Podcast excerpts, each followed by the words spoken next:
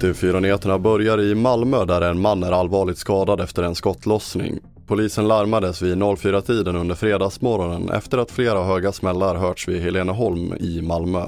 Mannen fördes till sjukhus med privat bil och i nuläget finns ingen gripen. Och utfrågningarna i den amerikanska kongresskommittén om stormningen av Kapitolium i januari förra året har nu avslutats. Och fortfarande ett dygn efter stormningen ville dåvarande president Donald Trump inte lugna ner situationen. Det visar en inspelning som kommittén fick se. But this election is now over. Congress has certified the results. I don't want to say the election's over. I just want to say Congress has certified the results without saying the election's over, okay? But Congress is certain. Now Congress is Yeah, right. Now Congress I didn't say over, so let, let me see. Don't go to the paragraph before. I inslaget hör ni först Donald Trump innan hans dotter och rådgivare Ivanka Trump försöker instruera honom. Och vi avslutar i Hongkong där Anna Ann, den äldsta jättepandahanen i världen, har dött.